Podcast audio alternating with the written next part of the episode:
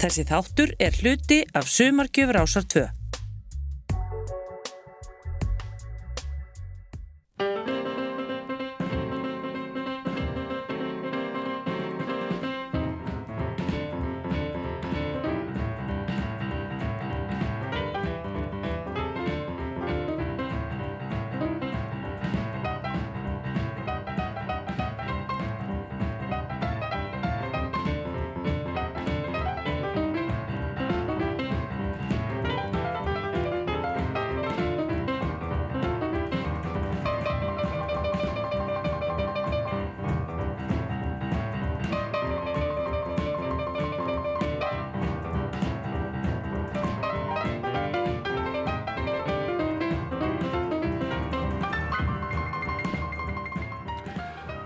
Dag, þessi gamli Boogie Blues bóðar komu þáttarins þriði maðurinn, hann gerði það fyrir tíu árum og gerði það aftur núna og stjórnendur nú eins og þá eru Átni Þórarinsson og Ingólu Marginsson og fyrsti gestur þáttarins þá og nú er borgarstjónin Reykjavík, þá var það Davíð Ótsson, nú Ingi Björg Solrún Gísladóttir, velkomin Ingi Björg.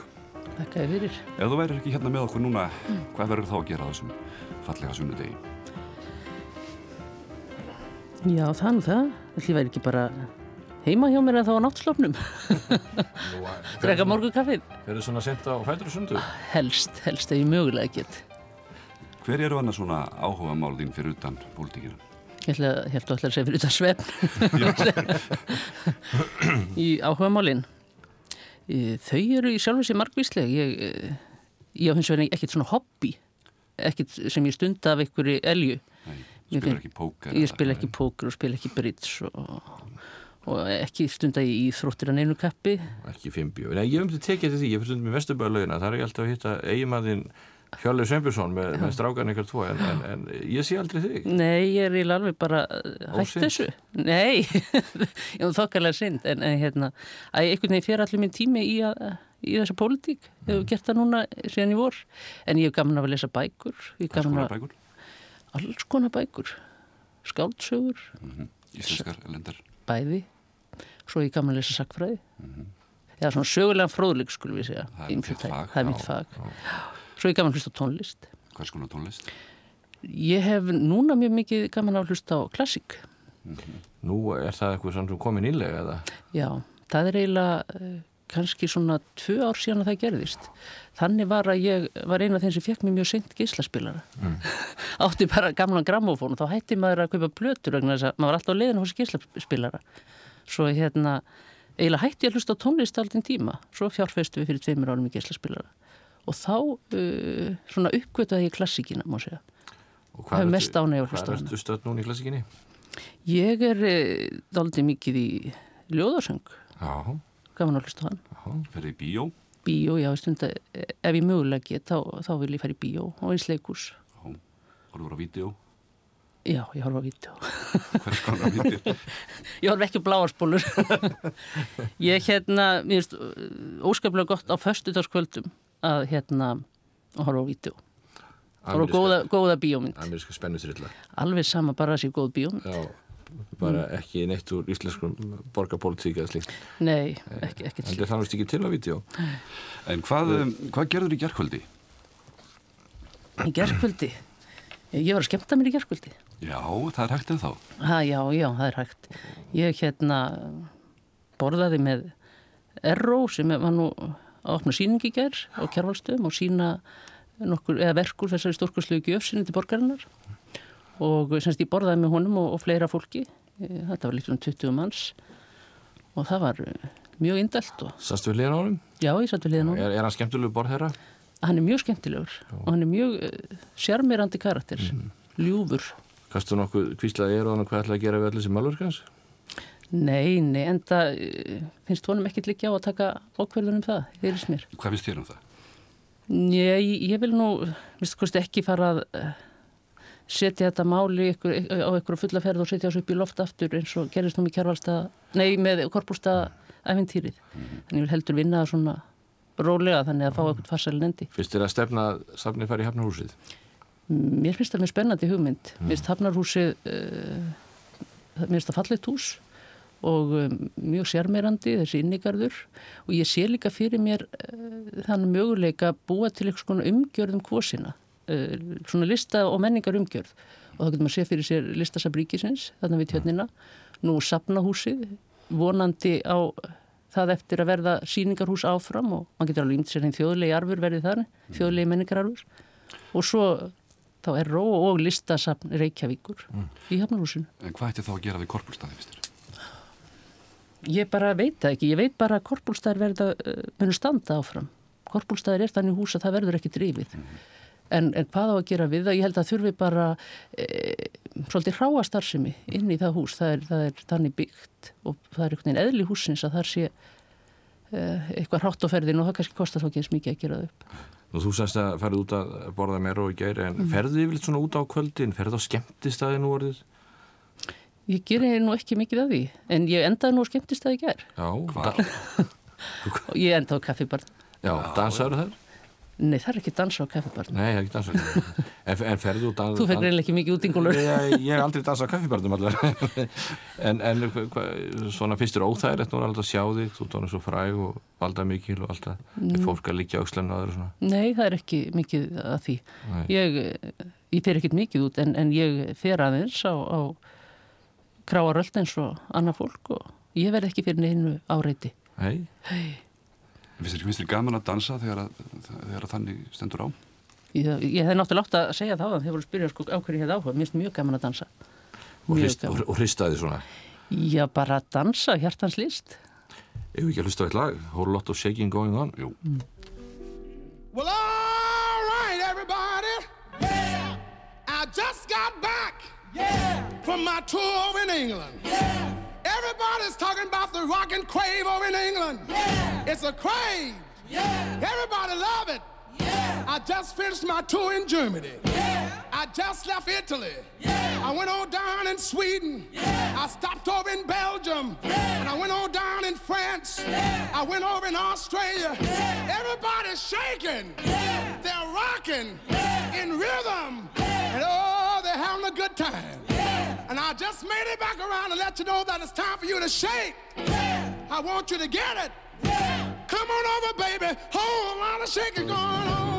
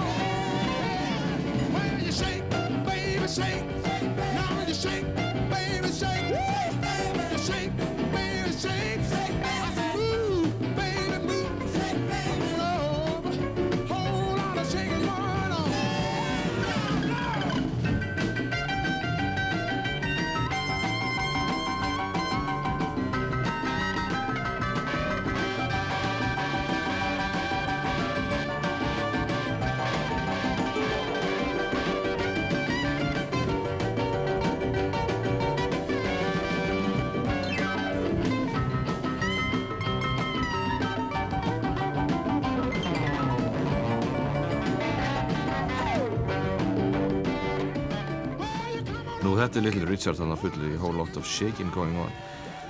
Og eins og kannski menn vita þau því shake að hrista. Þið hristu nú aldrei upp í borginni Erlistin þegar hann kom sigland inn í politíkina í öllum óverum og með litlum fyrirvara.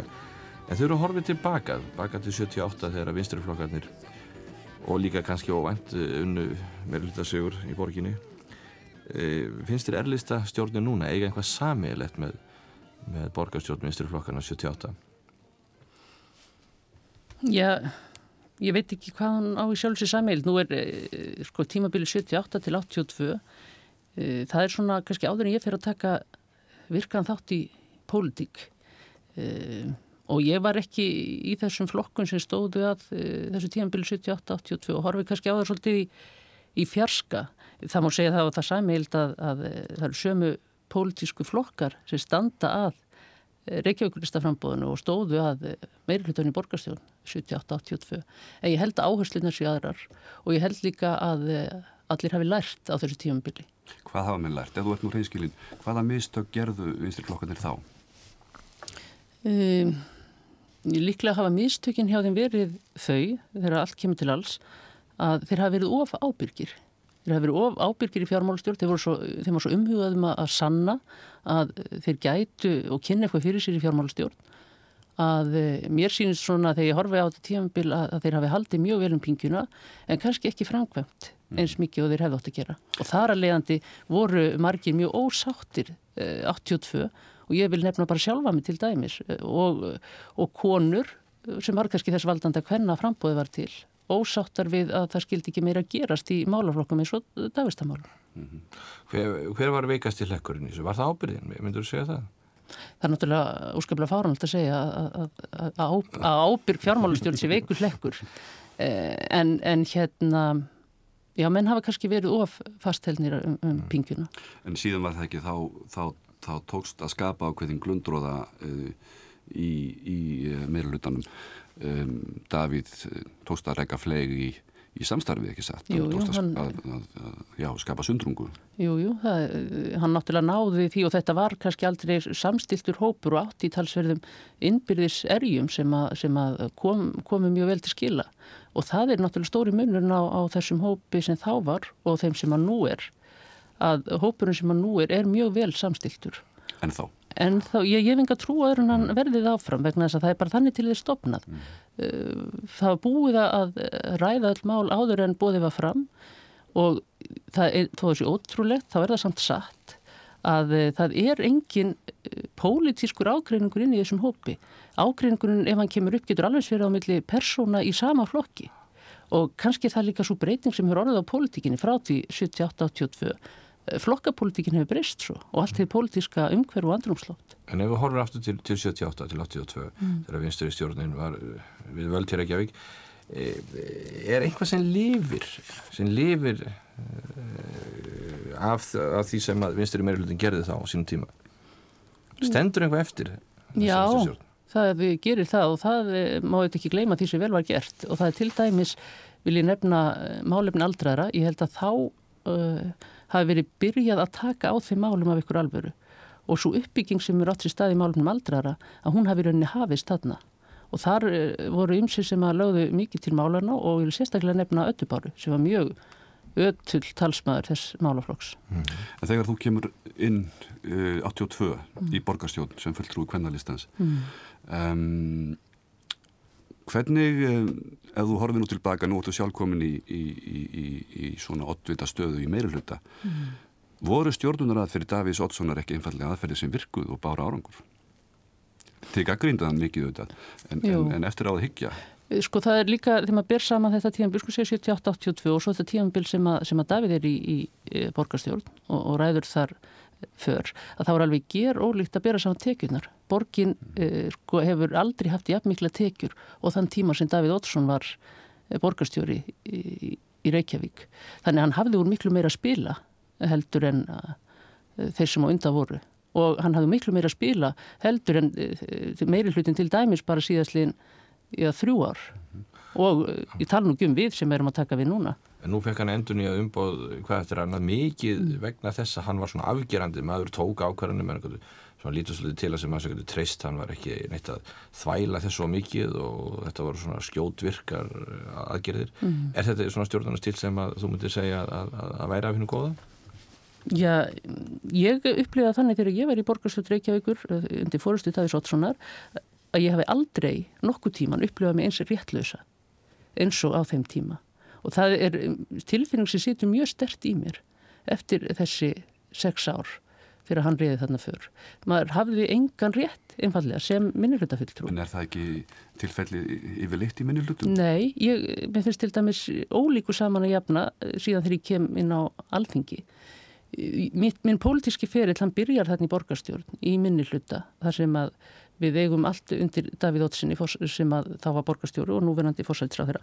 Og ég ekkert neginn tók það svo stert inn í mig að það væri bara einfallega þannig að maður væri minni hlutu að ætti maður enga rétt síðan uh, eh, eh, býðum við fram til þings og, og ke kemur inn á alþingi og er þar í minni hluta og það er bara tvent ólíkt allt í nú á ég rétt þó ég sé stjórnar andstæðingur og þó ég sé minni hluta Hvernig kom þessi lögjafarsamkundaðir fyrir sjónir þegar þú kemur inn á alþingi? Já, ég veit ekki hvað ég að segja.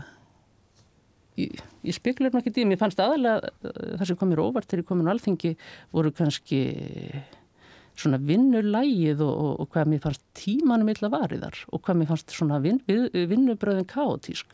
Mm. og þetta er aldrei sérkjælinn þegar maður að koma já, af stöðum, ég er til þess að hann mikið í bladamennsku þar sem maður þurfti að vera mjög effektífur og vita nákvæmlega hvað var að gerast á hverjum degi, þarna vissi maður aldrei hvað var, hvað var að gerast á hverjum degi, í hvað umræðum maður myndi lenda maður bjósi undir eitt mál og svo kom það ekkert á dagskrá heldur eh, var eitthvað allt annað mm -hmm. uppi, þannig að mér fannst volið erfitt að, að, skipulegja mig á þessum stað.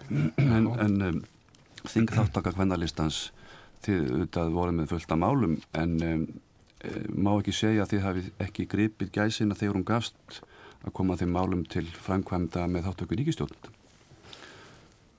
Já hann spurning hvort að hvort að gæsin gafst á þessum hérna Jú, er ekki að segja það.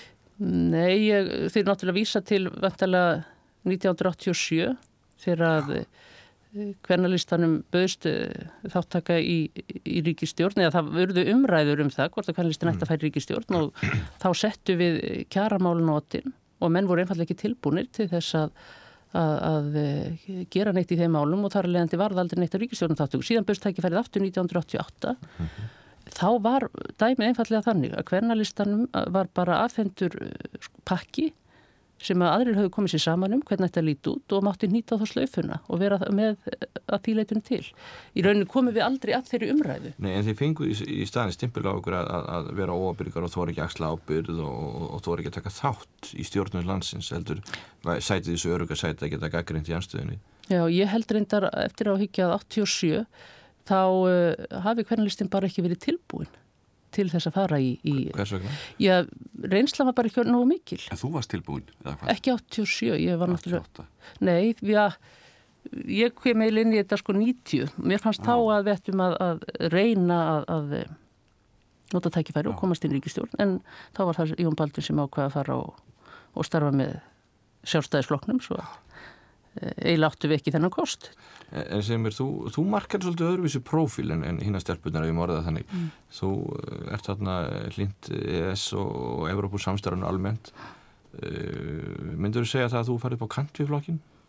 Nei, ég myndur ekki segja það til vegna þess að eh, það eru margar konur í kvennalistan sem hafa haft svipaða skoðanir og, og ég.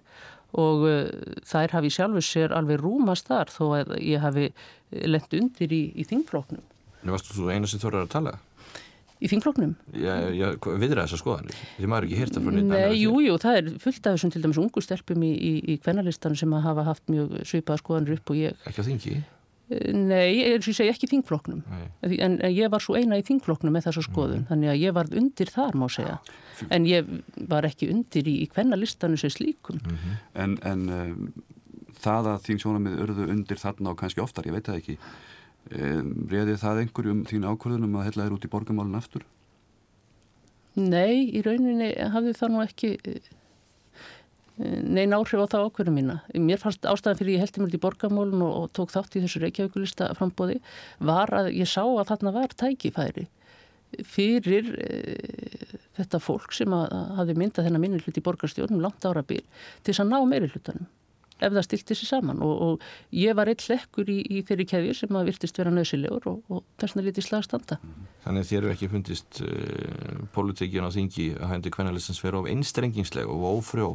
Nei og það með, það kom ekkit inn í myndinu þegar ég var að hugsa um að taka þátt í þessu reykjauklista. Mér fannst þetta einfallega eh, tækifæri til að skapa eitthvað í pólitík og slíkun tækifærum þeim má maður aldrei neyta, hvort sem það er nú að skapa kvennalist eins og við gerum á sínum tíma eða að skapa reykjauklista ef rétti tímin er þá maður að grípa, grípa tækifærið.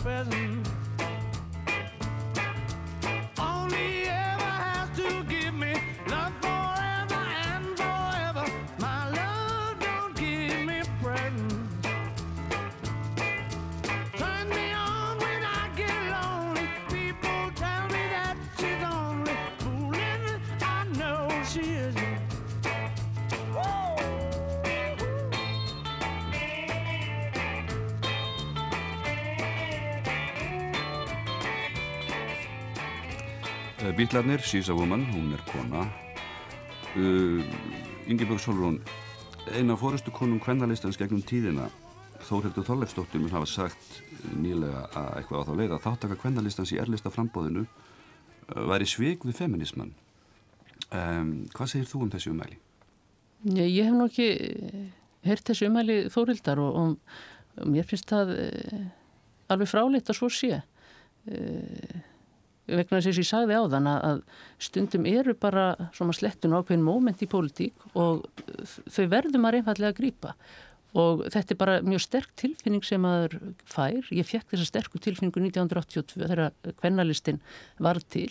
Það var bara rétti tíminn til að skapa og það var aftur núni í vor og við kannski fundum þetta uh, sterkar heldur en aðri við sem að höfum komið nála þessum borgarstjórnar málum Um, en fannst þér ekki fyrir ekki sko, sérstaða kvennalistan sturkast út?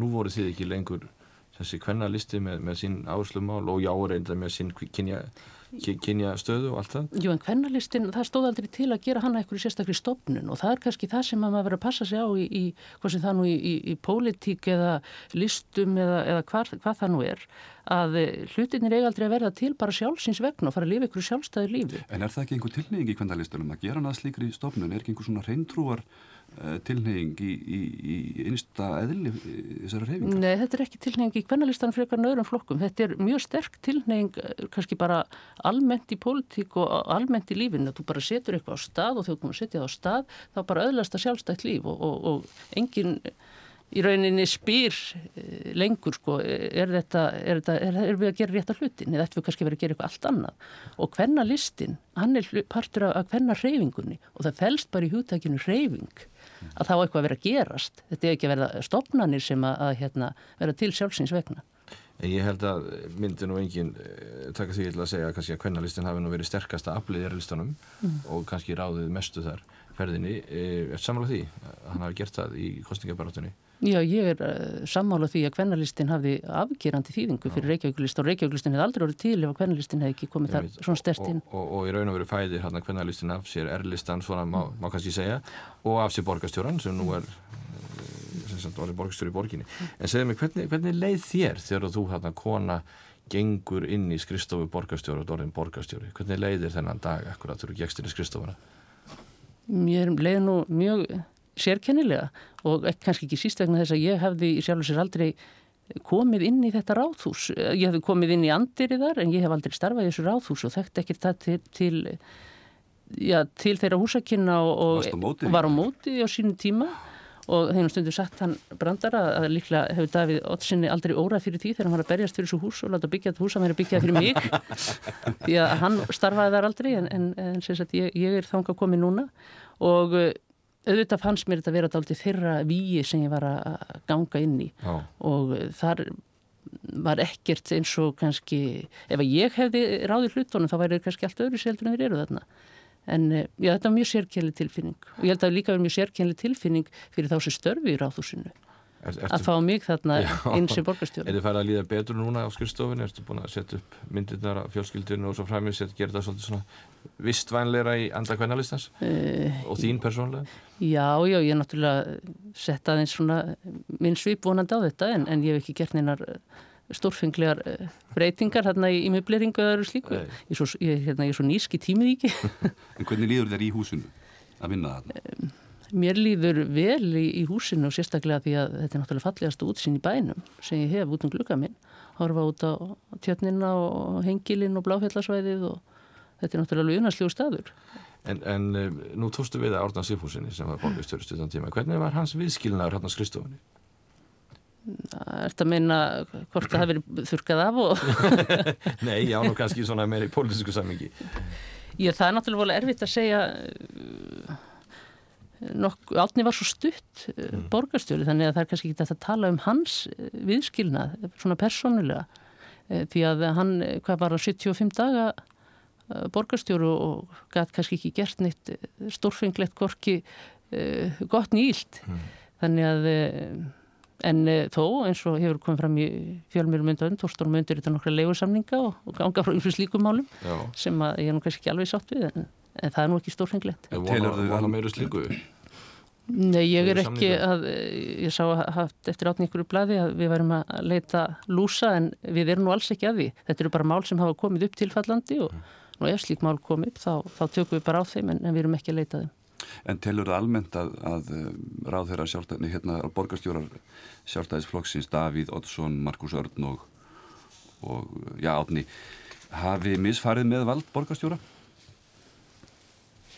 Já, ég, eh, sko, hérna, mikið vald, neða, vald spillir og algjört vald spillir algjörlega og það var þannig vald sem að, sem að Davíð hafði og mér fannst hann ekki fara vel með það vald. Það er ekkit nýtt að ég haldi þeirri skoðum fram, ég hef gert það alla tíð. Sumum fannst þetta, eh, eins og þýttilegu hér um áðan, virka vel, eh, það gerðist eitthvað. En eins og ég segjum, ég uppliði mig mjög réttlausa og eh, mér finnst ekki að maður eigi að fara þannig með, með vald að, að þeir sem verða fyrir því að þeir, þeir upplifi sig eh, án nokkra réttinda. Aðeins meiru valdið, við vitum nú að, sko, að starf borgarstjóra og völd borgarstjóra er einhversu mestu í landinu og það, það er kannski ákveðin svona einræðisleg hefð fyrir, fyrir eh, st- stöðu borgarstjóri Reykjavík. Hefur þú orðið var við það að, að til þín hefur komið fólk og vill e, fá bytlinga, störf og svo framvegis samstarfsaðilar í kostningabaráttunni eða jáfnvel anstæðingar? Já, ég auðvitað leitar eh, fólk til borgarstjóra og, og, eh, og eh, vil fá ímislegt og við, auðvitað var ég vörfið það að það væri ákveði fólk ekki, og hún er ekki að tala um uh, þetta nánasta samstarfsfólk í Reykjavíkulistanum, en kannski eitthvað fólk sem var svona út á útjæðrinum sem beigð eftir því að við færum þarna inn og, og reynsuðum út sjálfstæðismenna og settum okkar fólk inn í staðin að það ætti bara að skiptum forrið en öðru leiti að hafa sama hátt á og fyrir valdhafar og þetta er pólitík sem að mér langar ekki taka þátt í. Ég eh, vil ekki reynsa út fólk úr borgarkerfin vegna þess eins að það séu sjálfstæðismenn. Ef að menn hins vegar sinn ekki sínu störfum þá er þetta sjálfsagt að taka á því. En það á hvorki að vera fólki til framdráttar nýja heldur að koma því í koll að hafa ykkur ákveðna pólitíska skoðanir. Aðalatri er að það sinni sínu störfum. Þú, þú kallaðir einmitt ennbættiskerfi sjálfstæðismanna í borginni sovjastkerfi. Mm. Er það þín reynsla þá núna? En þá? Já, nú var ég ekki að tala um embættismannakerfi þá þegar ég sagði að þetta væri sovjískerfi. Ég vera að tala almennt um þetta pólitíska kerfi í, í Reykjavíkuborg. Það er að segja að þetta er einn flokkur sem hefur ráðið þessari borg í yfir 60 ár og byggt upp sitt valdakerfi með sínu fólki og það var þetta sem ég var að tala um þegar ég sagði að þetta væri sovjastkerfi. Ekki það að það væri bjúrokratarnir sem væri, væri, væri búið að setja, væri búið að setja inn í allar valda stöður að þeir heldu því gangandi eins og í Sovjetríkjónum? Nei, ég var að tala um þetta einsflokkskerfi hér í borginni. Það var það sem ég var að tala um. Ertu, ertu þar með að segja að, að, að erlistinn sem er mæntilega að sækjast eftir umbóðu kjósenda eða borgarbúa að, að mm. halda völdum áfram e, ertu að segja að erlistinn mun ekki starfa þessum nótum, þeir mun ekki tryggja sér kerfi sem við heldur þeim? Nei, ég er að segja það og ég e, vil að við reynum að skapa, nota þennan tíma sem að við erum þarna í, í meiri hluti borginn til að skapa ákveðna leikreglur. Svona líðræðislega leikreglur sem allir geta gengið að sem vísum og vita þá hvað forsendum er til dæmis fólki valið til starfa. Og þar vil ég fara eftir hæfni fólks en ekki pólitískun línum. Og ég get alveg hugsað mér að, að ráða þess vegna sjálfstæðismenn í, í stöður sem losna.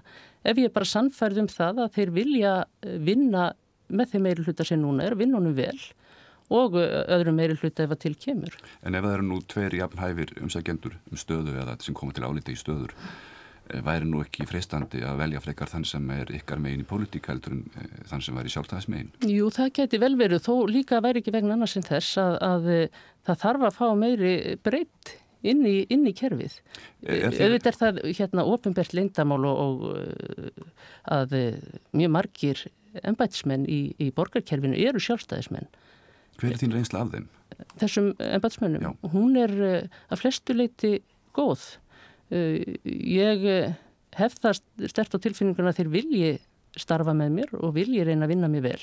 En hvort að við náum alveg að stilla saman taktin, eru það verður svona komið ljós. Eru þeir á reynslutímabili hjá þér? Auðvitað erum við að, að feta okkur áfram. Ég er vantarlega að undirgangast einhvern próf hjá þeim og þeir hjá mér. Og, Hvað ætlar að gefa langa tíma?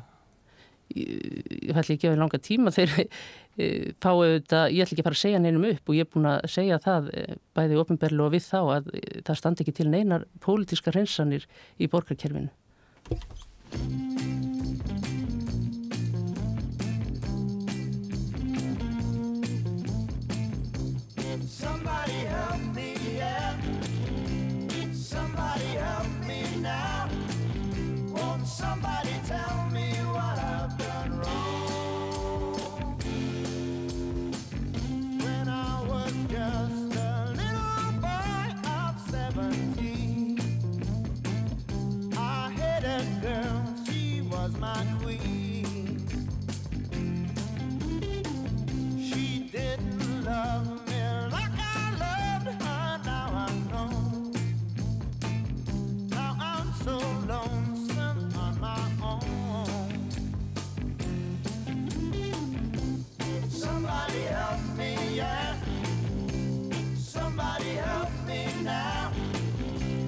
Somebody tell me.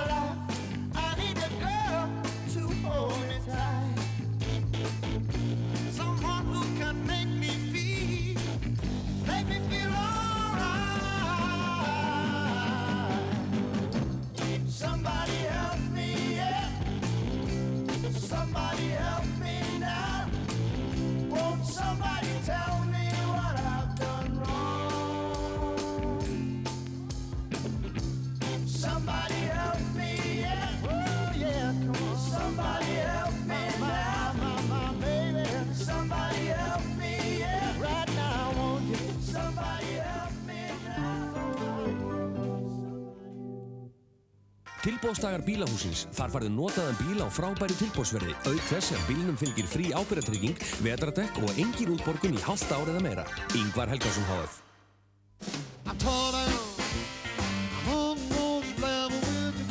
From the Cradle er skemmtileg blúsplata.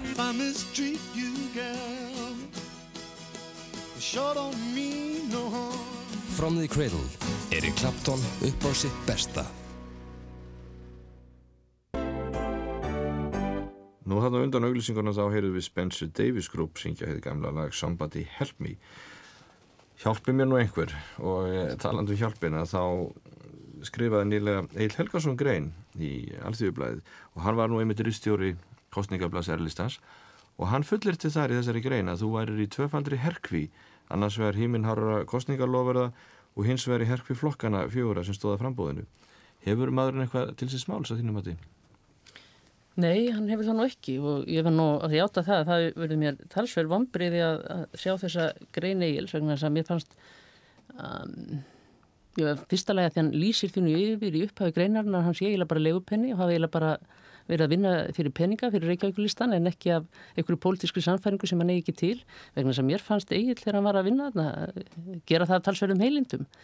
En uh, þetta er ekki rétt hjá hann auðvitað má hann hafa sína skoðun og það er eðlilegt að sem píslahöfundur hafa hann það er en vest fannst mér nú þegar hann gaf þeim uh, synda aflust uh, út af fjármálustjórnina vegna þess að hana eiga þeir alls ekki skilið.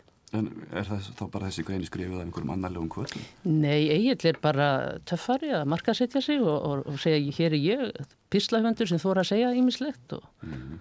þetta er, kemur á svipun tíma og, og ill, mál illuga eru nú uppi og vera að segja illuga upp hér á ríkisútvarpinu fyrir að kannski að vera svolítið töff í sínum pislum og mér fannst þetta að vera svolítið svona þessi stráka móral.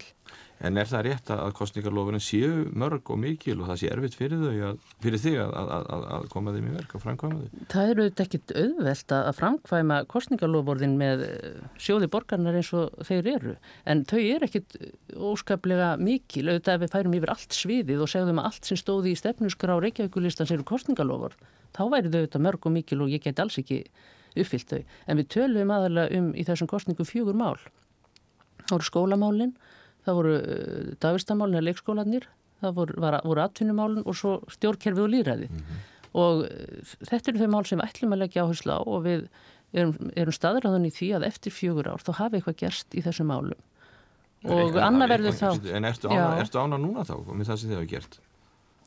Nú er kveitibröðstöðarnir liðnur og allt það. Ertu ánæg með það sem þið er komið í verk? Já, þú gerir náttúrulega kannski ekki stórfenglega hluti á kveitibröðstöðunum vegna þess að þú ert auðvitað bundin af þeirri fjárhásáallin sem fyrirvændi meiri hluti markaði og hún gildir út þetta ár. Það er í næstu fjárhásáallin sem við uh, mótum okkar stefnu.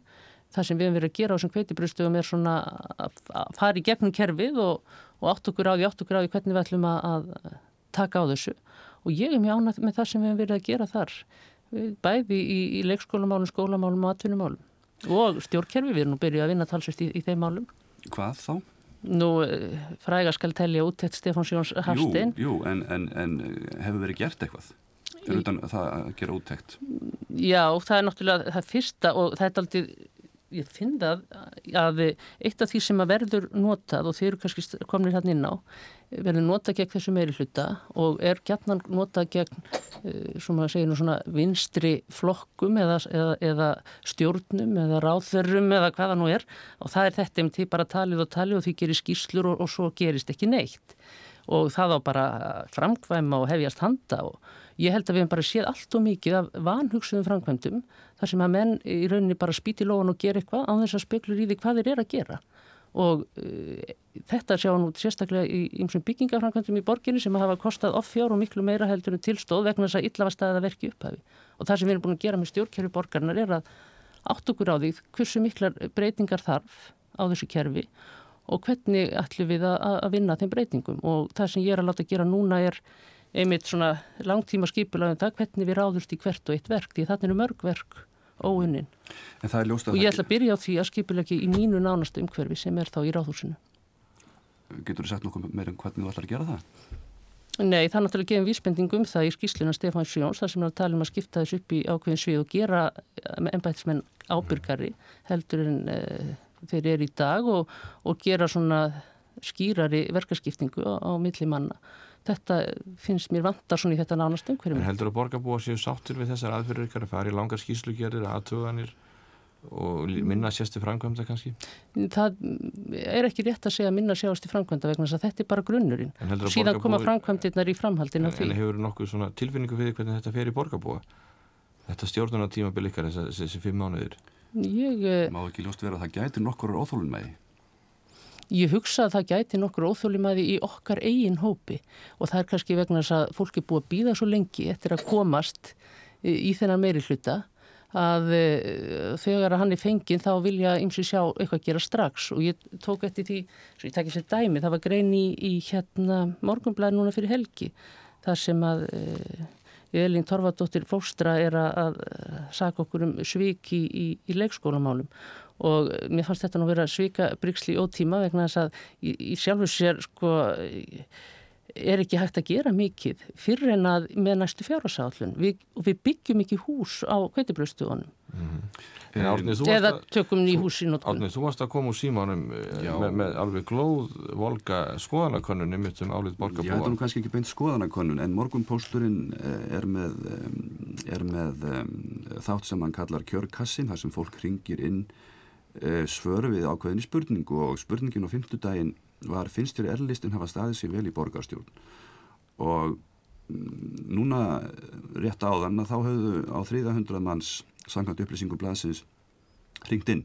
Því er endur ekki lokið, best taka það fram þannig að við skulum ekki uh, segja þetta sé sko endalinn niðurstað í þessari uh, atkvæða greiðslu en uh, staðan sem sagt núna er að já Þess að finnst þér ellistin hafa staðið sér vel, já sögðu 29% og nei 70,9%.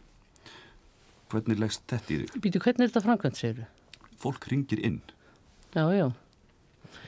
Og svarar ég... ákveðinu spurningu sem blæði byrti viku áður, sko. Og, og þetta, sem það niðurstaðan verður byrt á morgun, en, en svona var staðan núna, á þess við svona, já, gerum ómikið úr því, hvernig leggst þetta í þig? Já, ef þetta væri svona mælikvarð á það sem að borgarbúum almennt finnst, þá leggst þetta auðvitað ekki vel í mig. En e, það er spurning hvort þetta eru, e, hverjir eru lesendur morgun pósins, það eru auðvitað, maður hlýtur að spyrja sér þess, hvernig er þetta úrtak sem að þarna er um að ræða. Ég vil nú ekki leggja allt og mikla merkingu, merkingu í þetta fyrir ég hef nú kannski séð það og spurning hvort þetta segir meira um lesendur morgun pósins heldur en við fór borgarbúa til Eh, Reykjavíkulistans. En um, af, af þessari reynslu sem að þú hefur líst hér af þessu samstarfi og um, þú verið skefa í skinn að, að þannig sé allt slétt og felt og engin rukka á þessu samstarfi eh, finnst þér það sína þér eitthvað eh, sanna eitthvað fyrir þér um uh, það hvort að þessi flokkar eigi kannski að, að auka samstarf sitt á víðar í grundvelli? Kannski bara saminast mm, Nei, þetta segir í rauninni ekkit um það vegna þess að það eru auðvitað talsverðin munur á borgarpolítikinu og landsmálapolítikinu flokkakerfi hérna og landsmálapolítikin hún snýst um mismunandi skoðanir í landbúnaðamálum, mismunandi skoðanir í sjávarútismálum, utaríkismálum og, og öðru slíku, nú þessna efnahagsmálum og uh, þetta eru kannski þessar stóru pólitísku línur í, í milli flokkana. Sveitarstjórnamálin eru annars eðlis, það er reyni búið að marka ramman sem við störfum innan í sveitarstjórninni. Og þar eru við kannski meira fást við þennan bara daglega veruleika fólks sem að eru snýra skólunum og leikskólunum og öldrunarþjónustunni og ymsu slíku sem að eru kannski ekki eins stórar pólitískar, eða línutnar millir flokkan er ekki skýrar í þeim efnum. Þannig að þér, þeir þetta ekki benda til þess að þessi flokkar eigi að gera það? Mér finnst ekki sjálfgefið við það og mér finnst ekki að heimfæra það uh, algjörlega upp á landsmálupolítík. Lítur það þá á erlistan sem svona afur flokkana fjóra, þetta séu raun og veru sko samtök sem ekki geta tekið mikið sjálfstæðar ákvarðan nema þurfa alltaf að fara aftur heim til flokkana og, og ræða þar á móðskipinu. Nei. Er þetta orðið sjálfstæð reyfing? Þetta er algjörlega sjálfstæð reyfing og, og það er pólitísku ákvarðan sem við tökum í Reykjavíkulistanum, tökum við í borgarstjórnarflokki Reykjavíkulistans. Við förum ekki með þær ákvarðanir neitt heim. Þetta er okkar heima. Já, það er en, þessi borgarstjórnarflokkur. En, en ef svo er, þá skildur maður ætla að þetta getur þróast yfir í að verða, já, flokkur? Já, en eins og ég er að segja að e, þá er það auðvitað hvort að við ætlum að fara út í umræðu um öll þessi mál sem ég var að tala um, sko, auðvaríkismálun og en, en, en hvað með, hvað með nú horfa margir til Jóhunu Já. sem er í svona byðstöðu og reyndar orðið næstastu flokkur, flokkur þjóðarinnar á þess að vera orðin flokkur samkvæmt skónakonum mm. e, finnst þér það fýtsalu kostur að e, hefja samstarf við e, já, hugsaðalegt frambóð Jóhunu mm. á landsvísu með erlistan undir Nei, er ekki með erlistan undir, það er alveg eh, fráleitt og ég held að við sem að erum að starfa í erlistanum uh, ættum ekki að vera að blanda okkur inn í þá umræðu sem á sér stað á sem landsmálavettfangi núna um, um samíli frambóð.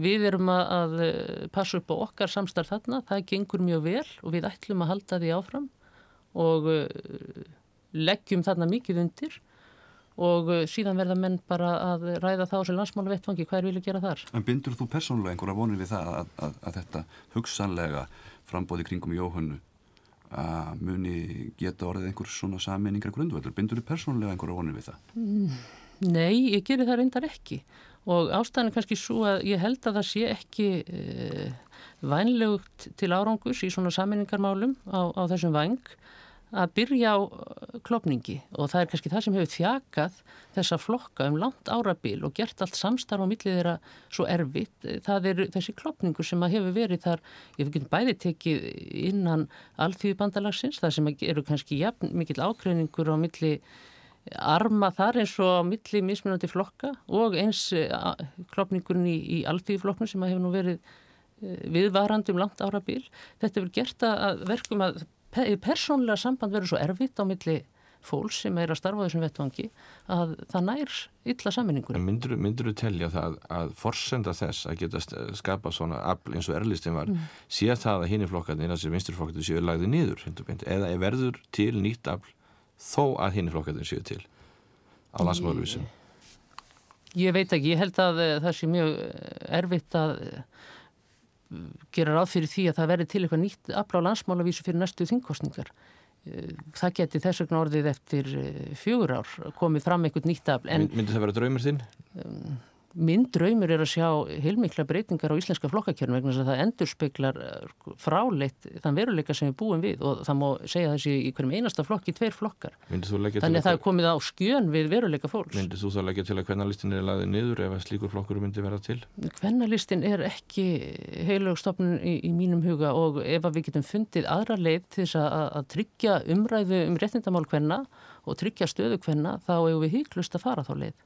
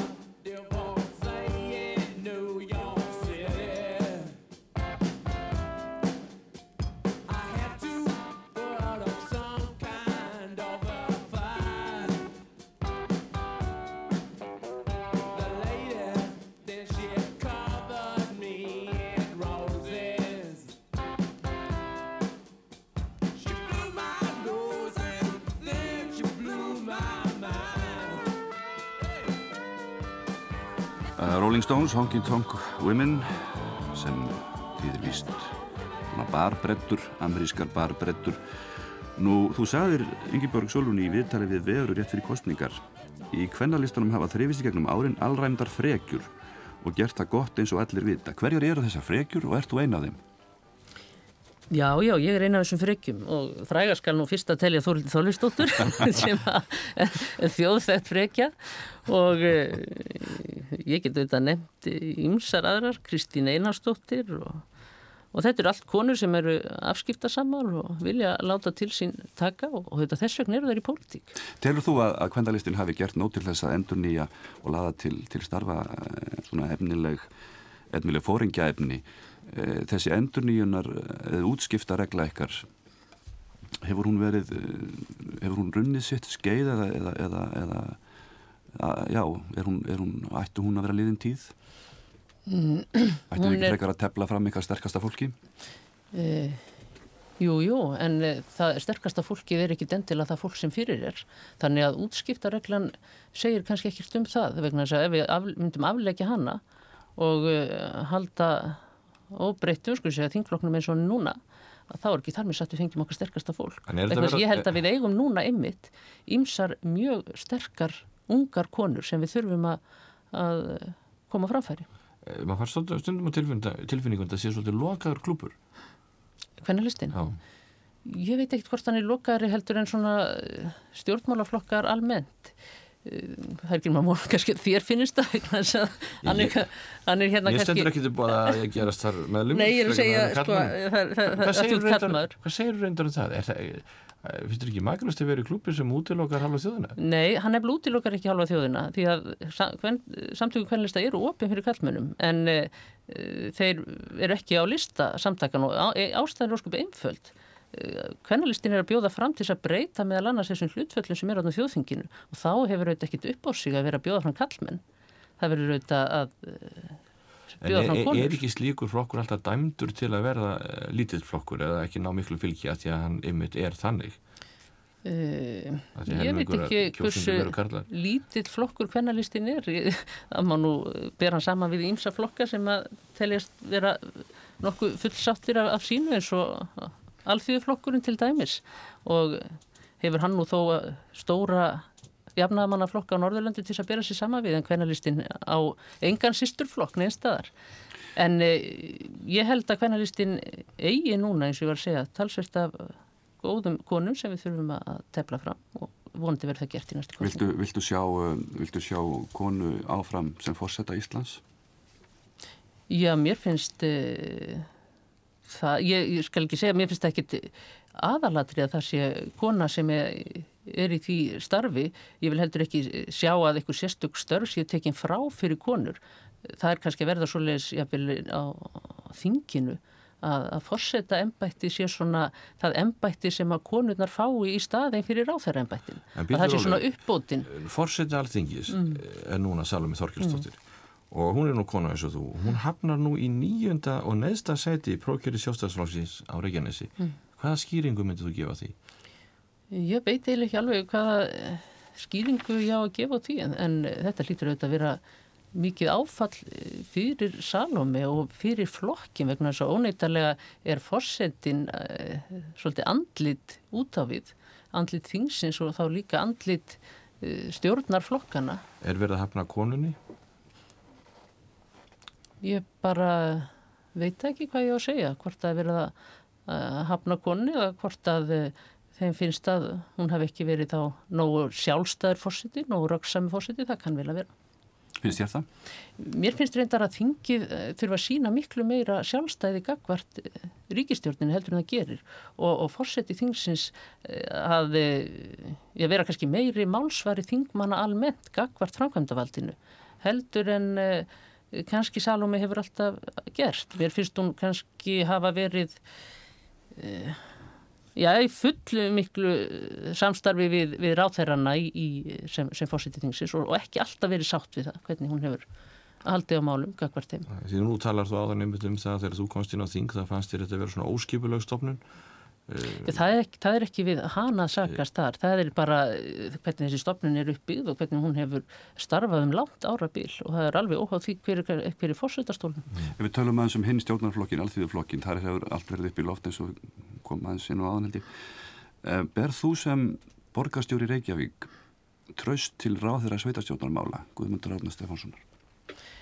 Uh, mér finnst nú kannski að byrja í bakkafullan lækin að vera að tala um mál Guðmundar átna hérna vegna þess að það er nú eh, búið að gera það svo víða og svo, og svo lengi að, að þetta er nú verða mér hefur fundist þetta að vera raun að fylgjast með allir þessar umræðu. En ég, mér finnst Guðmundur átni hafa mistiðið sig uh, talsvert í uh, sínu starfi og ég held að það hefði verið best fyrir hann sjálfan að hann hefði að segja af sér þessu ráþarembætti miklu fyrr og taka síðan þá bara slægin í sínu kjörta og berjast fyrir sínu sæti en hann, hann er orðið, það er búið að taka hann í rauninu úr sambandi sem ráð þeirra, hann getur ekki sitt sínu málaflokki almennilega vegna þess að hann er svo, þarf að eða svo miklum tíma og, og orku í að að róa bara lífróður í, í, í sínum málum. Ef við myndum snúa svo við og, og spyrja þig, ef borgarfulltrú erlistans eru borin sambarilegum áverðingum og félagsmálar á þeirra, hvernig myndur þú þá sem leittói borgarstjóra meira hlutast taka því máli? Eh, ég myndi eh, vantanlega óska eftir því að, að slíkur aðili yrði látin, eða myndi, myndi segja af sér. Ég reikna með því, annars er þetta voðalega auðvelt að sýta hér í einhverju dómarastöðu við Guðmundi átna og segja ef ég hefði verið í þessu þá hefði ég gert svona og hins einn. Eh, nú hefur maður bara ekkert lend í þessari situásjón sem hann er í og, og ómult var að tala um þetta í einhverju þáskildaða tíð og kannski, ég veit ekki hvort að maður blindast ef maður lendir í svona aðstæðum eins og, eins og uh, hann hefur gert og, og sér ekki uh, sér þetta kannski ekki réttu ljósi en, en eins og ég sé, mér finnst volið erfitt að sýta hér í einhverjum dómarastefningum yfir honum. Uh, Myndið þú talið að það hafi verið lífsbursmál fyrir hvernig listan að, að fara í ríkisöndarsamstarf eftir næstu kostningar? Ég vil ekki segja kannski lífsbursmál en mér finnst það mjög mikilvægt að, að hvernalistin komist í þá aðstöðu að, að fá völd því að við erum auðvitað í pólitík til þess að fá völd völd til að gera eitthvað ekki bara völd þeirra e, valdana vegna, heldur völd til að gera eitthvað og mér finnst að komin tími á það að hvernalistin fái þá, ég held að við séum tilbúna til þess, við erum búna að marka mjög, eða stöndum á mjög föstum grunni, komna með mjög ákveði fylgi og uh, höfum konur sem hafa mikla reynslu og þess vegna séum við mjög tilbúnar. Nokkur orðum þinn eh, elskað anstæðing Davíð Ottsson. Mm. Um, nú er hann fórstæðisráður. Myndu þú geta að hugsa þér að hvernalistin færi í samstarf við sjálfstæðslokkin eh, stjórnarsamstarf mm. undir fórstæði Davíð Ottssonar? Mér finnst ekkit ekki tætt að útiloka það ef að þannig semst um að, að og, og þetta komið sér nýra á einhvern málefna grundvöld þá er ekki tætt að útiloka hann frekar naðra frá, því, frá samstarfi kvennalistan. Það er aðeins stöta málefnunum.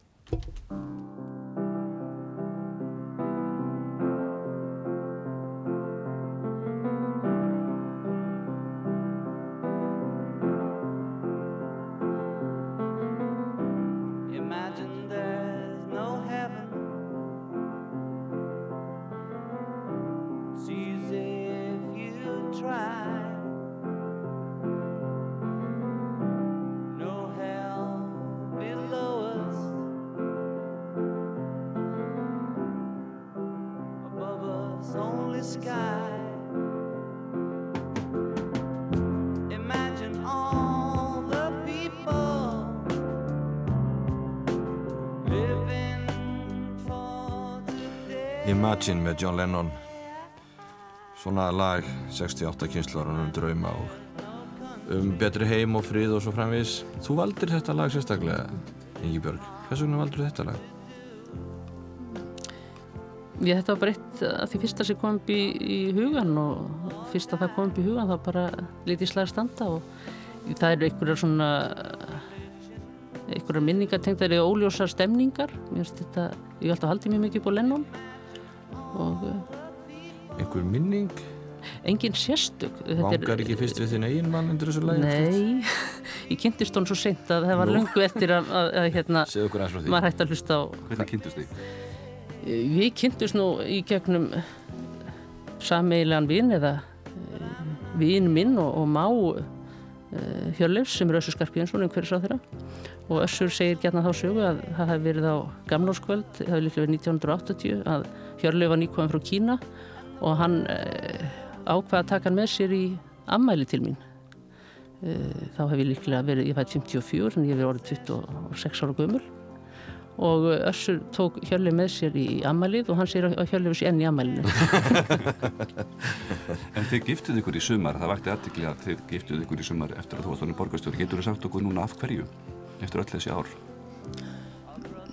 Þetta hefur eiginlega staðið lengi til en það er að maður er búin að búa saman svona lengi og, og eignast tvö börn þá fer þetta að verða svona hálf hallærisli situasjón. Maður veit ekki hvernig maður á að fara að því að, að, að gifta sig.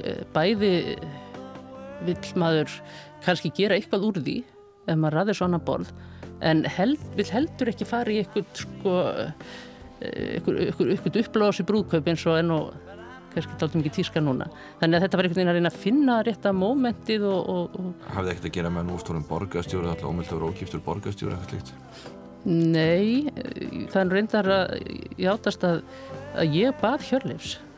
Já, á hnjánum kannski? Nei, ég vissi ekki á, hljónum og það er orðið aldrei langt síðan ég bað hans. Já. Ég bað hans eiginlega í síðustu kostningabarótu fyrir, fyrir þingkostningarnar Og ertu að byrja 1990 eigin Verða með búin að hugsa sig um síðan. kostningabaróttu Sagði hann já strax að það hann sagði, sig. nei, hann sagði uh, hann sagði já strax Eh, reyndar höfum við að svona ámálka þetta áður og, og, og hann hafði alltaf verið svolítið trefið til en svo baði hans þarna 1990 í kostningabarótun og hann sagði já nú og svo bara dróst þetta að framkvæm að praktískum ástæðum. Alltaf verið svo mikið að gera í pólitíkin en, en, en, þú segir sko að að og svo er það líka þetta með að gifta sig að, við erum kannski bæði þannig að uh, við erum alltaf erfitt með að, að búa til eitthvað svona í kringum okkur sjálf uh, hvort sem það nú brúðkaup eða ammæli eða eitthvað slíkt það er svona ég er svolítið erfitt með slíka situasjónir Þú sagðir einmitt að því að kynns og seint og þú þá vantarlega verið, já hvað að segja, pipar megja, eitthvað frammittir aldrei. Um, segðu mér hérna, hvernig leiði nú svo í þessu nýja hlutverki að vera hún eiginkona? Er það minni núna í, sumar? Eigin, nei, nei, bara að byrja að vera með mann og Já. manni, eiginkona hlutverkið, eignast börn og svo framins. Ég hef aldrei einhvern veginn eh, upplifað þetta eigin konu hlutur. Þetta hefur einhvern veginn bara þróast smátt og smátt. Við byrjum fljóðlega að búa saman, svo eignumst við börn og svo fórum við að kaupa húsnæði eins og gerist og gengur og þetta þróast bara smátt og smátt. Og ég hef aldrei spekulurð í því sjálfur sér, upplifað mér sem eigin konu. Ég hef aldrei gert það. Nú við erum eiginlega komin alveg endamörku með þennan þátt, Íngibjörg Sólrún, eitthvað sem þú vil segja lókum? Nei, ekkert uh, Hvað ætlar að fara að gera núna til dæmis? núna. Já. Nú ætla ég að fara heim og um, kannski baka í pönnukökur. Svo ætla ég kannski að fara í fimmbi með strákonum mínum og svo fyrir að fundi í kvöld. Nú við þökkum þér kjærlega fyrir komuna, Íngibjörg Sólrún Gísladóttir, borgarstjóri og við Árni Þóransson hverjum og þökkum fyrir okkur. Þessi þáttur var hluti af Sumargjöfur ásar 2. Þú getur nálgast fleiri þætti úr safnir ásar 2 í spilaranum á rúf.is, í rúf appinu fyrir snjalltæki og öllum helstu hlaðvarpsveitum.